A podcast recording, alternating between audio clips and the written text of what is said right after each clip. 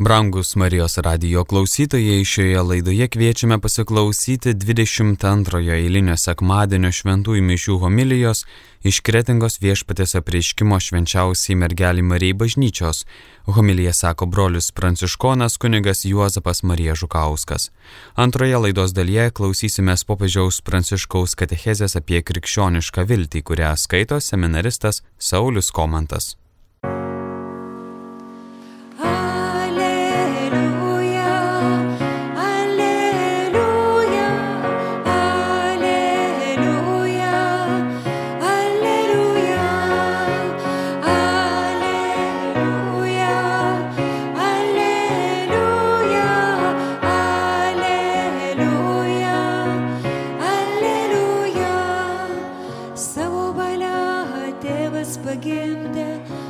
tieso žodžiu, kad būtume tarsi pirmenos jo kūrinių tarpe.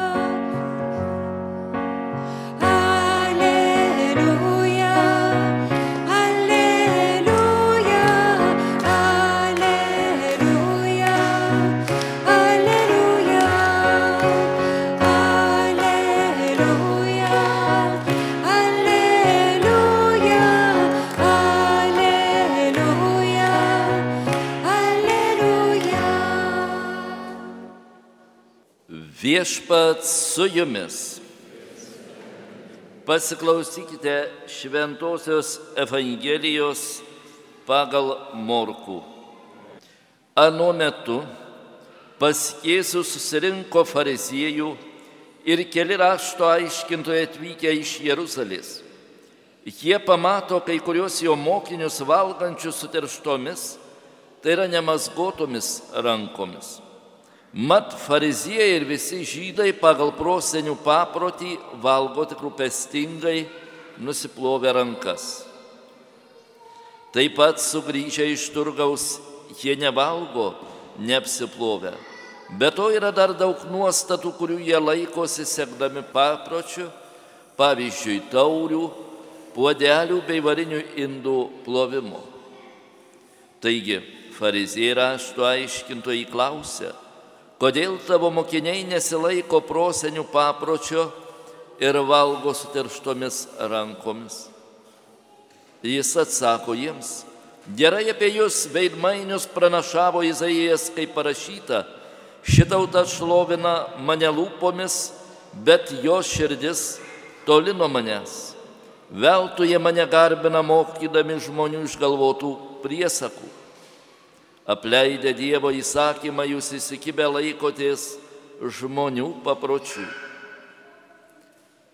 Ir vėl sušaukęs minė Jėzus kalbėjo, paklausykite manęs visi ir supraskite, nėra nieko, kas iš lauko įėjęs į žmogų galėtų jį sutepti. Žmogų sutepa vien tai, kas iš žmogaus išeina. Švidaus iš žmonių širdies išeina pikti sumanimai, paleistuvystės, vagystės, žmogžudystės vetimavimai, godumas suktybės klasta, begėdystės pavydas šmeištai, puikybė neišmanimas.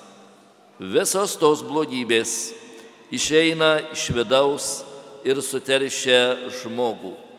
Girdėjote viešpaties žodį.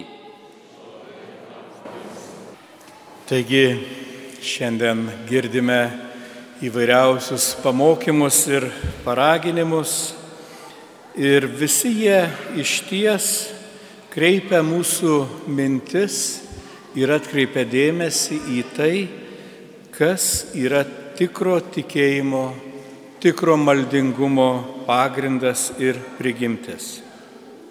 Izraelitai visai pagrįstai didžiavosi savo įstatymę nustatytais įvairiausiais nuostatais, paliepimais, taisyklėmis, kurios kilo iš kilnaus troškimo priklausyti Dievui. Moze čia sako, kurigi didžiųjų genčių turi tokius savo artimus dievus, kaip viešpats mūsų Dievas yra arti mūsų, kada tik jo šaukiamės. Kurigi didžiųjų genčių turi taip tobulus įstatymus bei nuostatus, kaip šis visas teisynas. Taigi izraelitai sudėliojo daugybę taisyklių, kurios padėdavo tarsi nustatyti žmogui ribas ir savo pačiam atsakyti, ar aš priklausau Dievo tautai ar ne, ar aš paklustu Dievui ar ne. Tačiau tas didelis įstatymų laikymas ilgainiui išaugo į savitikslį paklusnumą įstatymui. Ir jau Jėzaus laikais matome, kad įstatymas tampa beviltiškai sudėtingu. Ir reikalingi įvairūs rašto aiškintojai ir mokytojai, kurie išaiškintų žmogui, kaip kasdienybėje reikia elgtis, kad paklusti įstatymui. Ir tai nutolsta iš tiesų nuo įstatymo dvasios, kurios pagrindinė mintis yra priklausyti Dievui turėti ryšį, gyvą ryšį su Dievu, apie kurį kalba beje ir Moze, sakydamas, kurigi didžiųjų tautų turi savo taip artimus Dievus. Taigi apie tą buvimą šalia Dievo žmonės užmiršta ir vis dažniau savęs klausia, ar tinka taip elgtis, ar gerai taip daryti ir nebeklausia savęs, ar aš dar myliu Dievą, ar aš myliu savo brolį ir sesę, ar aš esu ryšyje su jais. Deja ir mes patys, ypatingai savo išpažintise atkreipkime dėmesį, labai dažnai sakome, aš padariau vieną ar kitą klaidą, aš praradau kantrybę, aš buvau tingus, aš nesukalbėjau maldų ar poterių. Ir net kreipiam dėmesio, kaip tie mūsų veiksmai sąlygoja mūsų santyki su Dievu ir artimu. Nebeklausėme savęs, ar mano veiksmas užgavo kitą žmogų. Nebeklausėme savęs, ar aš įsisukęs į savo darbus užmiršau draugystę ir bičiulystę su Dievu, tik tais sakome, ar padariau ar nepadariau, kiek kartų padariau. Ir Jėzus atkreipia mūsų dėmesį, kad daugybė įstatymų yra paprasčiausiai sugalvoti žmonių, kad atliepti į to meto socialinius poreikius. Ir mums tie įstatymai tiesa padeda apsispręsti, kas yra geras, kas yra blogas. Mes ir patys labai dažnai nusakome, tas vat yra geras katalikas, nes kiekvieną sekmadienį sėdi bažnyčioje, tačiau savęs nepaklausėme, ką jis toje bažnyčioje veikia, arba dar kas svarbiau, ką jis veikia po jos, ar jo širdis yra atvira. Mes tiesiog sakome, buvo bažnyčioje ar nebuvo. Panašiai kaip ir fariziejai, kurie užsipuola Jėzaus mokinius ir klausia, ar nusiplovėte rankas. Aišku, rankų plovimas yra geras ir sektinas dalykas, bet jisai kilęs daugiau iš tokio hygienos poreikio, ypač tais laikais, kada apie higieną žmonės nedaug tą suprato, tai buvo labai svarbu galbūt netgi pririšti tuos dalykus prie religinių praktikų, kad žmogus labiau suprastų. Lygiai taip pat ir apie švarų arba nešvarų maistą mes šiandien galime pasakyti galbūt moksliškai vienas ar kitas maistas kenkia mūsų sveikatai ir padeda. Tais laikais buvo, buvo paprasčiau pasakyti švaru arba nešvaru. Tačiau iš ties svarbiausias dalykas yra ne rankų plovimas, ne pasakymas vienas ar kitas dalykas yra švarus ar nešvarus, bet mūsų tarpusavio santykiai. Ir šis parašytas Jėzaus pamokymas iš tiesų skirtas ne tiek tuo metu fariziejams, bet galbūt ankstyvosioms krikščionių bendruomenėms, kuriuose kildavo įtampos, nes jos buvo sudarytos iš atsivertusių žydų ir iš pagonių atėjusių krikščionių. Ir tie atėję iš žydų, jie atsinešė visą seną įstatymą, kurio pagoniškų tautų atstovai visiškai nepažinojo. Ir kildavo įtampos, kaip elgtis, ką daryti. Ir štai čia ateina pagrindinis įstatymo matas. Ar aš visą tai darau su meile, ar aš su dėmesiu artimui, ar vis tik paprasčiausiai skiriu, kas yra švaru ir nešvaru. Užlaikyti išorinį švarumą svarbu, tačiau artimo meilė yra svarbesnė. Ir mes galime pamatyti, kad ir mūsų broli šventai Pranciškų, kuris pametęs į šalį bet kokį atsargumą, puola ir apsikabina raupsuotąjį, jį pabučiuoja. Galėtume sakyti, kokia kvailystė, jis gali užsikrėsti. Bet čia matome artimo meilę kuri pernoksta bet kokią žmogišką išmintį ir iš tiesų veda į bendrystę su Dievu. Taip, mes turime daug įstatymų, kurie yra žmogiški. Ir tas atkreipimas dėmesio tik į įstatymus dažnai veda mus į susiskaldimus ir į bereikalingą fundamentalizmą.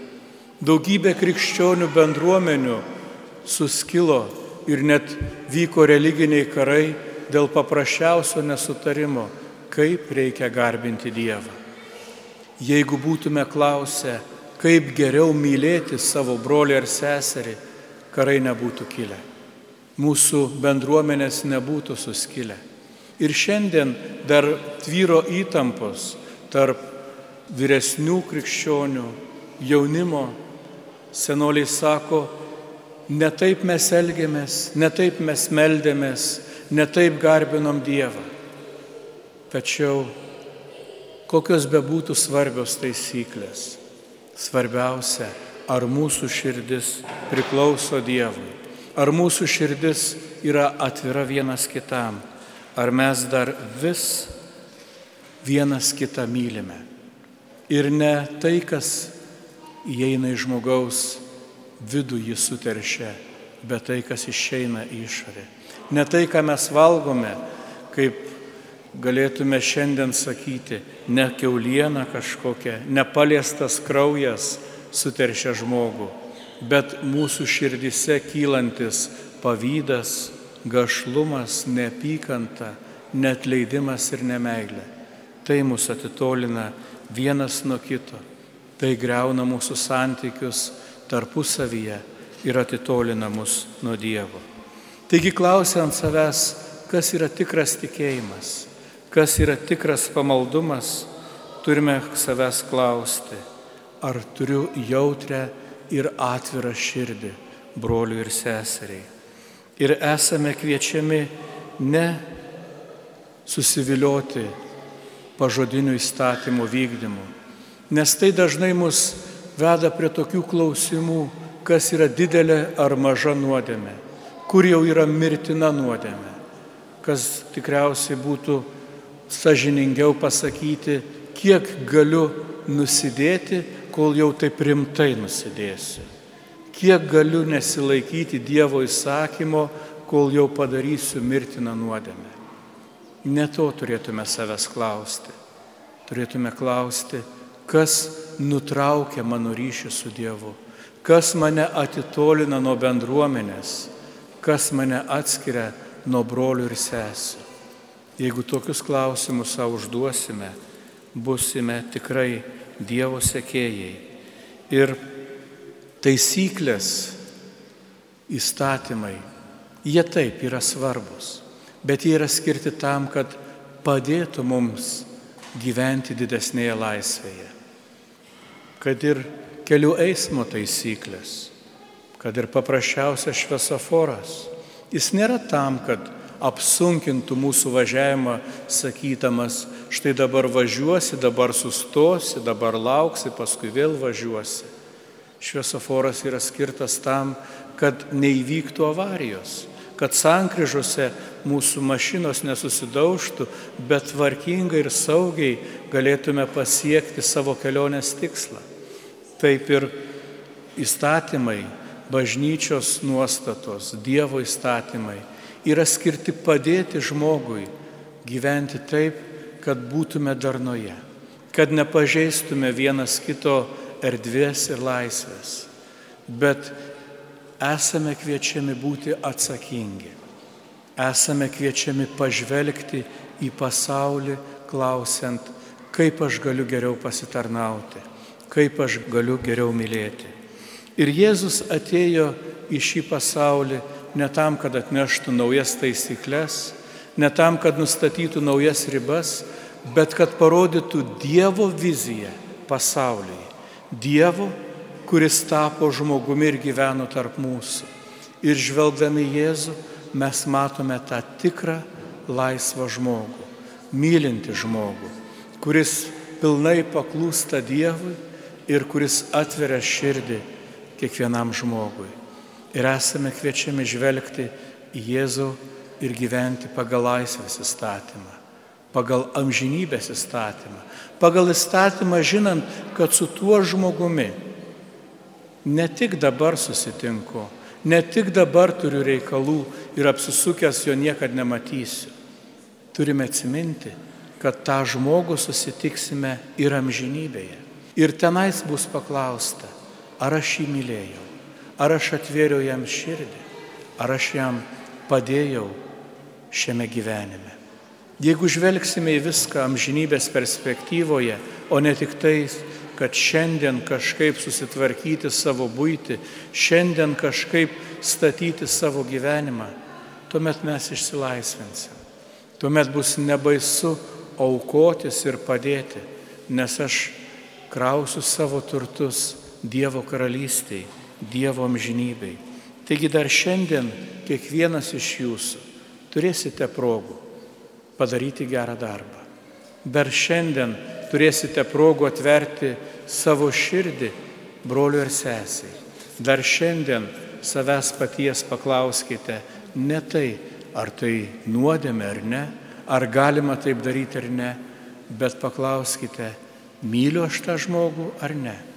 Ar aš noriu jam atverti savo širdį ir tuo pačiu pagarbinti ir Dievą esantį tame žmoguje.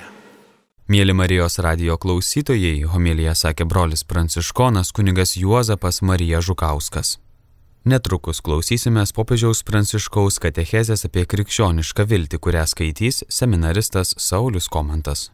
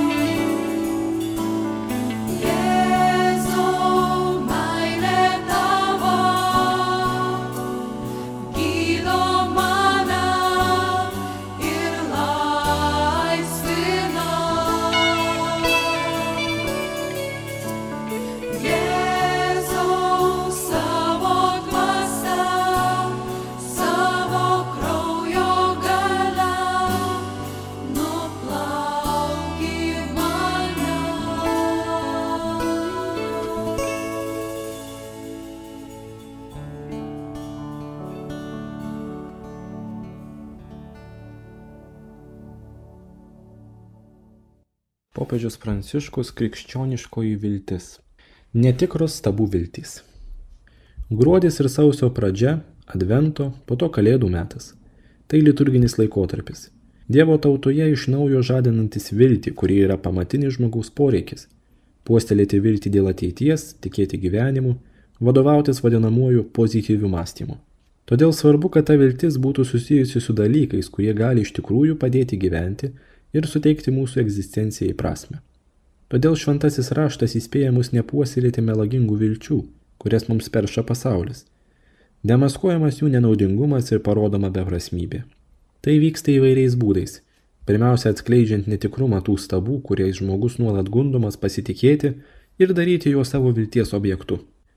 Ypač pranašai ir išminčiai tai akcentuoja, paliesdami neuralginę vietą kiekvieno tikinčiojo tikėjimo kelyje. Tikėti reiškia pasitikėti Dievu. Kas tiki, pasitikė Dievu.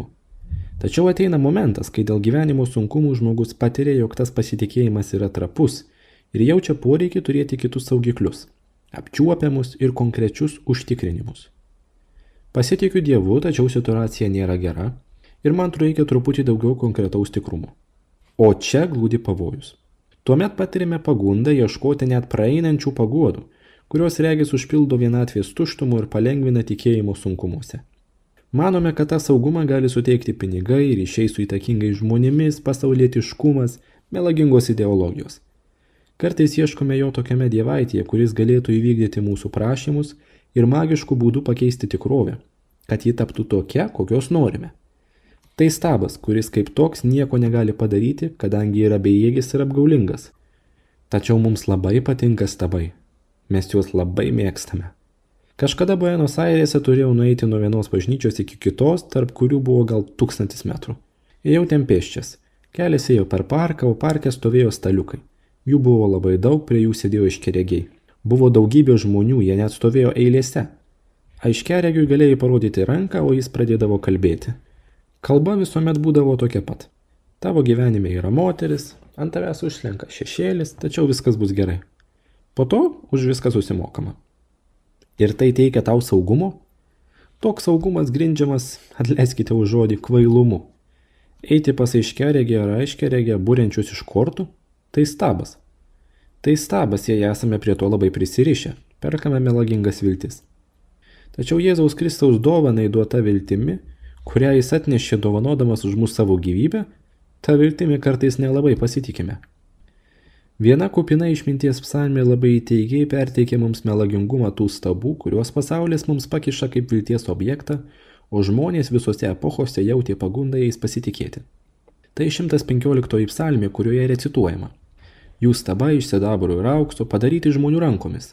Burnas jie turi, bet nekalba. Turi akis, bet nemato. Turi ausis, bet negirdi, turi nosis, bet neužuodžia. Rankas turi, bet palytėti negali. Turi kojas, bet nevaikšto. Panašus į juos bus, kurie juos dirba ir kurie jais pasitikė. Psalmininkas kiek ironiškų būdų mums parodo visiškai efemerišką tokių stabų tikrovę. Turime suprasti, kad kalbama ne tik apie vaizdus pagamintus iš metalo ar kitų medžiagų, bet ir apie tuos, kuriuos susidarome savo mintise, kai pasitikime ribotais dalykais, kuriuos patys pavertėme absoliučiais Arba kai įspraudžiame Dievą į mūsų schemas, mūsų įsivaizdavimus apie dieviškumą, tuomet sukūrėme stabą panašų į mus, mums suprantamą, numanomą, visiškai tokį pat, kaip sakoma psalmėje. Žmogus būdamas Dievo atvaizdas, susikuria panašų į save dievuką. Negana to, tai nevykęs atvaizdas. Jis negirdi, neveikia, o svarbiausia nemoka kalbėti.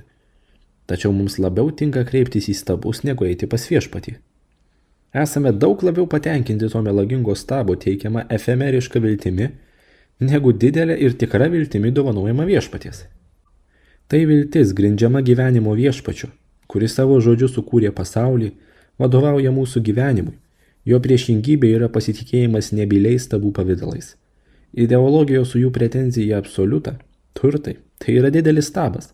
Valdžia ir sėkmė tuščia garbystė ir su tuo susijusios amžinybės bei visagalybės iliuzijos, tokios vertybės kaip žavesys ir sveikata, kai jos tampa stabais, kuriems reikia paukoti viską, visa tai yra dalykai keliantys proto ir širdies sumaištį, užuot praturtinę gyvenimą, jie veda į mirtį.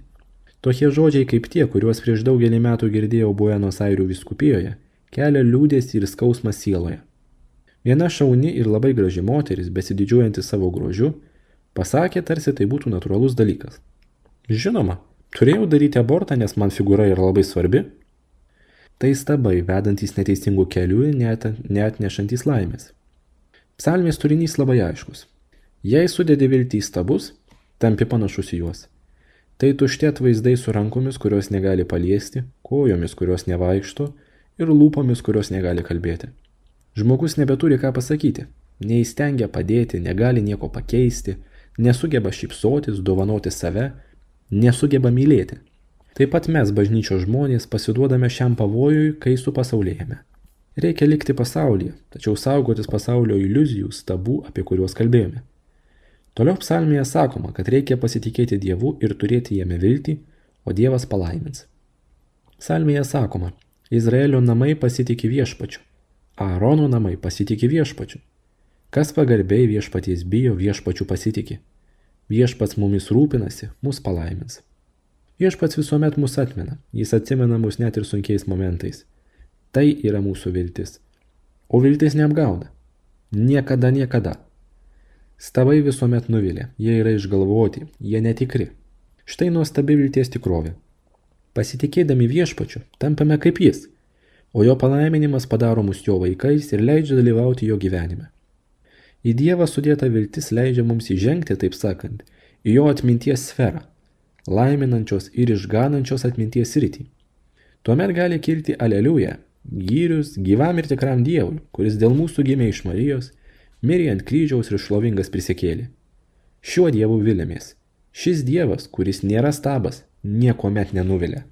Klausėmės popiežiaus pranciškaus katechezės apie krikščionišką viltį, kurią skaitė seminaristas Saulis Komantas. Pirmoje laidos dalyje girdėjome 22 eilinio sekmadienio šventųjų mišių homiliją iš Kretingos viešpatės apreiškimo švenčiausiai mergeliai Marijai bažnyčios. Homiliją sakė brolis pranciškonas kunigas Juozapas Marija Žukauskas.